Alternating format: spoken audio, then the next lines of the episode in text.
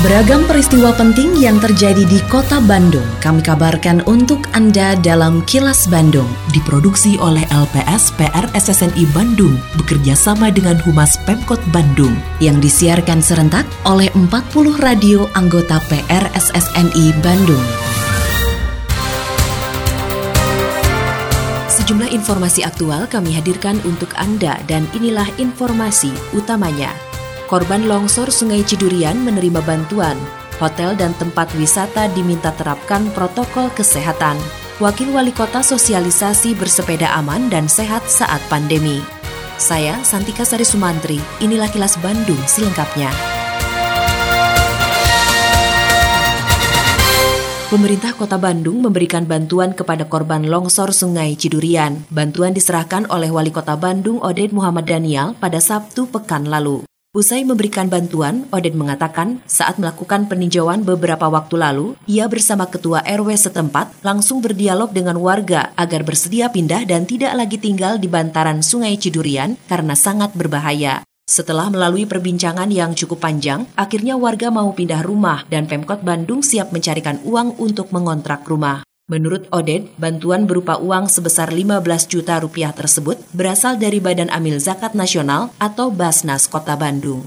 Menyampaikan bantuan kepada Ibu Maisaroh ya, yang mana dia mendapat bantuan 15 juta ya dari Basnas untuk ngontrak rumahnya. Mengapa? Karena rumahnya waktu ada musibah longsor, mau ada datang ke sini, dapat informasi dari Pak RW, ternyata rumah Saroh ini rumahnya ada di pinggir sebadan batang sungai ini. Mau ada di lobi sama ke Pak RW. Alhamdulillah ibunya siap karena kalau dia tetap di situ berbahaya ya kan. Ya itu dia siap untuk kontrak dan minta penggantian untuk kontrak. Pelayanan seluruh puskesmas di Kota Bandung termasuk yang tenaga kesehatannya positif terkonfirmasi virus corona tetap berjalan seperti biasa. Kepala Dinas Kesehatan Kota Bandung Rita Verita menegaskan, layanan puskesmas tidak boleh berhenti. Namun di puskesmas yang pegawainya ada yang terpapar, dilakukan pengaturan jadwal dengan pembagian tugas, sehingga pelayanan kesehatan kepada masyarakat dapat tetap berjalan. Rita mengatakan tenaga medis yang terpapar kini sedang melakukan isolasi dan perawatan di sejumlah tempat yang sudah disiapkan oleh pemerintah Kota Bandung. Mereka yang terpapar tidak semuanya tenaga medis, tetapi ada juga yang merupakan pegawai biasa. Masih tetap berjalan, diatur sedemikian rupa sesuai dengan jumlah SDM yang ada, juga pengaturan waktunya diatur oleh manajer puskesmas KUPT Wakil Wali Kota Bandung Yana Mulyana meminta pengelola hotel dan tempat wisata melengkapi penerapan protokol kesehatan untuk dapat kembali beroperasi. Usai memantau penerapan protokol kesehatan di sejumlah hotel dan tempat wisata di Kota Bandung, Yana menilai masih ada beberapa catatan yang menjadi bahan evaluasi. Oleh karenanya, Yana berharap dengan penerapan protokol kesehatan sebagai norma dan kebiasaan baru di masa pandemi ini, tidak ada lagi klaster baru COVID-19 di kota Bandung. Sehingga kota Bandung dapat meningkat dari zona kuning ke zona biru dengan kelonggaran yang lebih luas untuk dapat menggerakkan kembali roda perekonomian. Pada dasarnya, sudah ada semangat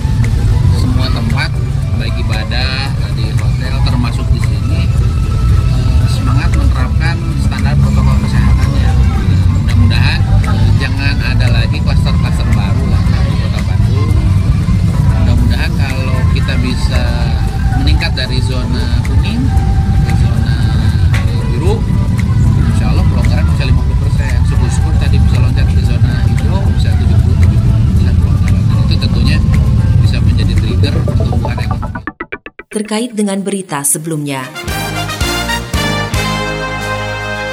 Kepala Dinas Budaya dan Pariwisata Kota Bandung, Kenny Dewi Kaniasari berharap penerapan norma dan kebiasaan baru di masa pandemi ini dapat membangkitkan kembali pariwisata yang terpuruk akibat COVID-19.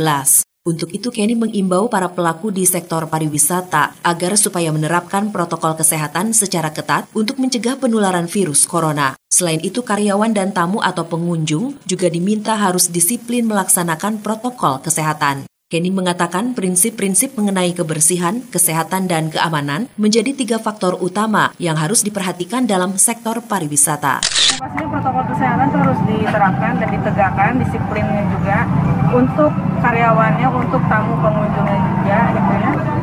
Terus prinsip-prinsip mengenai kebersihan, kesehatan, dan keamanan itu juga harus uh, dilakukan karena itu menjadi satu format baru ke depan untuk sektor pariwisata ini. Jadi cleanliness, healthy, dan safety ini merupakan tiga faktor utama.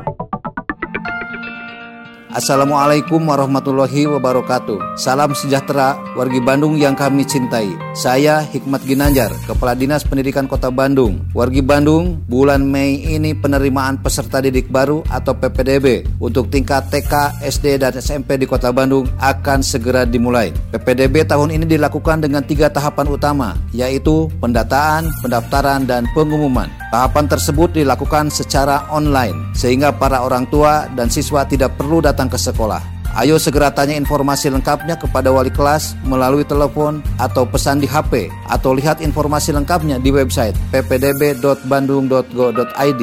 Sekali lagi ppdb.bandung.go.id.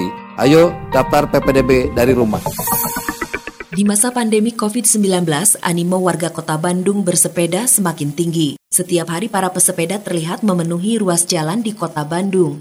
Saat menyosialisasikan bersepeda aman dan sehat di kawasan Dago pada minggu kemarin, Wakil Wali Kota Bandung Yana Mulyana mengimbau para pesepeda tetap menerapkan protokol kesehatan seperti memakai masker, tidak bergerombol, menjaga jarak dan mematuhi rambu dan lampu lalu lintas. Yana berharap sosialisasi mengenai cara aman dan sehat bersepeda tidak hanya berlaku di masa pandemi, karena euforia masyarakat bersepeda bukan sekedar rekreatif, tapi dapat menjadi alat transportasi sehari-hari. Menurut Yana, pemerintah kota akan berupaya menambah jalur khusus sepeda. Oleh karenanya, ia meminta masukan dari komunitas untuk kemudian dikaji oleh dinas terkait. Kita melakukan sosialisasi kampanye cara bersepeda yang aman dan sehat. Kita himbau tadi eh, karena cukup ramai sekali ya di daerah Dago agar pesepeda tetap bersepeda dengan sehat dan aman lah ya. Jadi harapkan mereka tetap pakai masker, kemudian kalau itu jangan bergerombol tetap lakukan physical distancing kemudian juga tadi mematuhi rambu ya lampu merah jangan diperobos gitu. Kini, audio podcast siaran Kilas Bandung dan berbagai informasi menarik lainnya bisa Anda akses di laman kilasbandungnews.com.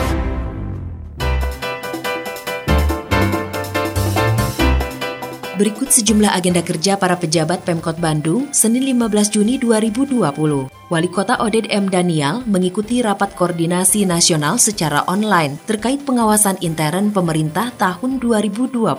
Sementara itu, Wakil Wali Kota Yana Mulyana meluncurkan labelisasi penerima keluarga harapan atau PKH dan bantuan sembako nasional atau BSN di wilayah Kecamatan Mandala Jati. Selanjutnya mengunjungi dapur umum Sabandung atau Sangu Bancakan Urang Bandung, Kelurahan Sindang Jaya, Kecamatan Mandala Jati. Selain agenda kerja para pejabat Pemkot Bandung, informasi dari Humas Kota Bandung, yaitu mulai 15 Juni ini, mal dan pusat perbelanjaan di Kota Bandung kembali beroperasi. Atas pembukaan sejumlah pusat belanja ini, Wali Kota Bandung Oded M. Daniel meminta seluruh unsur terkait untuk mentaati protokol kesehatan COVID-19. Ia menegaskan pemerintah Kota Bandung membuat aturan tentang protokol kesehatan demi keselamatan bersama. Menurutnya, jika semua pihak mematuhi aturan, Kota Bandung dapat segera pulih dan normal seperti sebelumnya secara bertahap, namun dengan syarat disiplin terhadap aturan.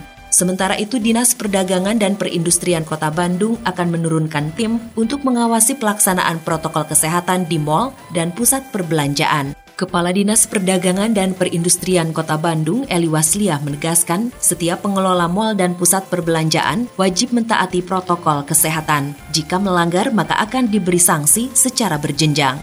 Demikian agenda kerja para pejabat Pemkot Bandung dan info aktual yang diterima redaksi LPS PR SSNI Bandung dari Humas Pemkot Bandung.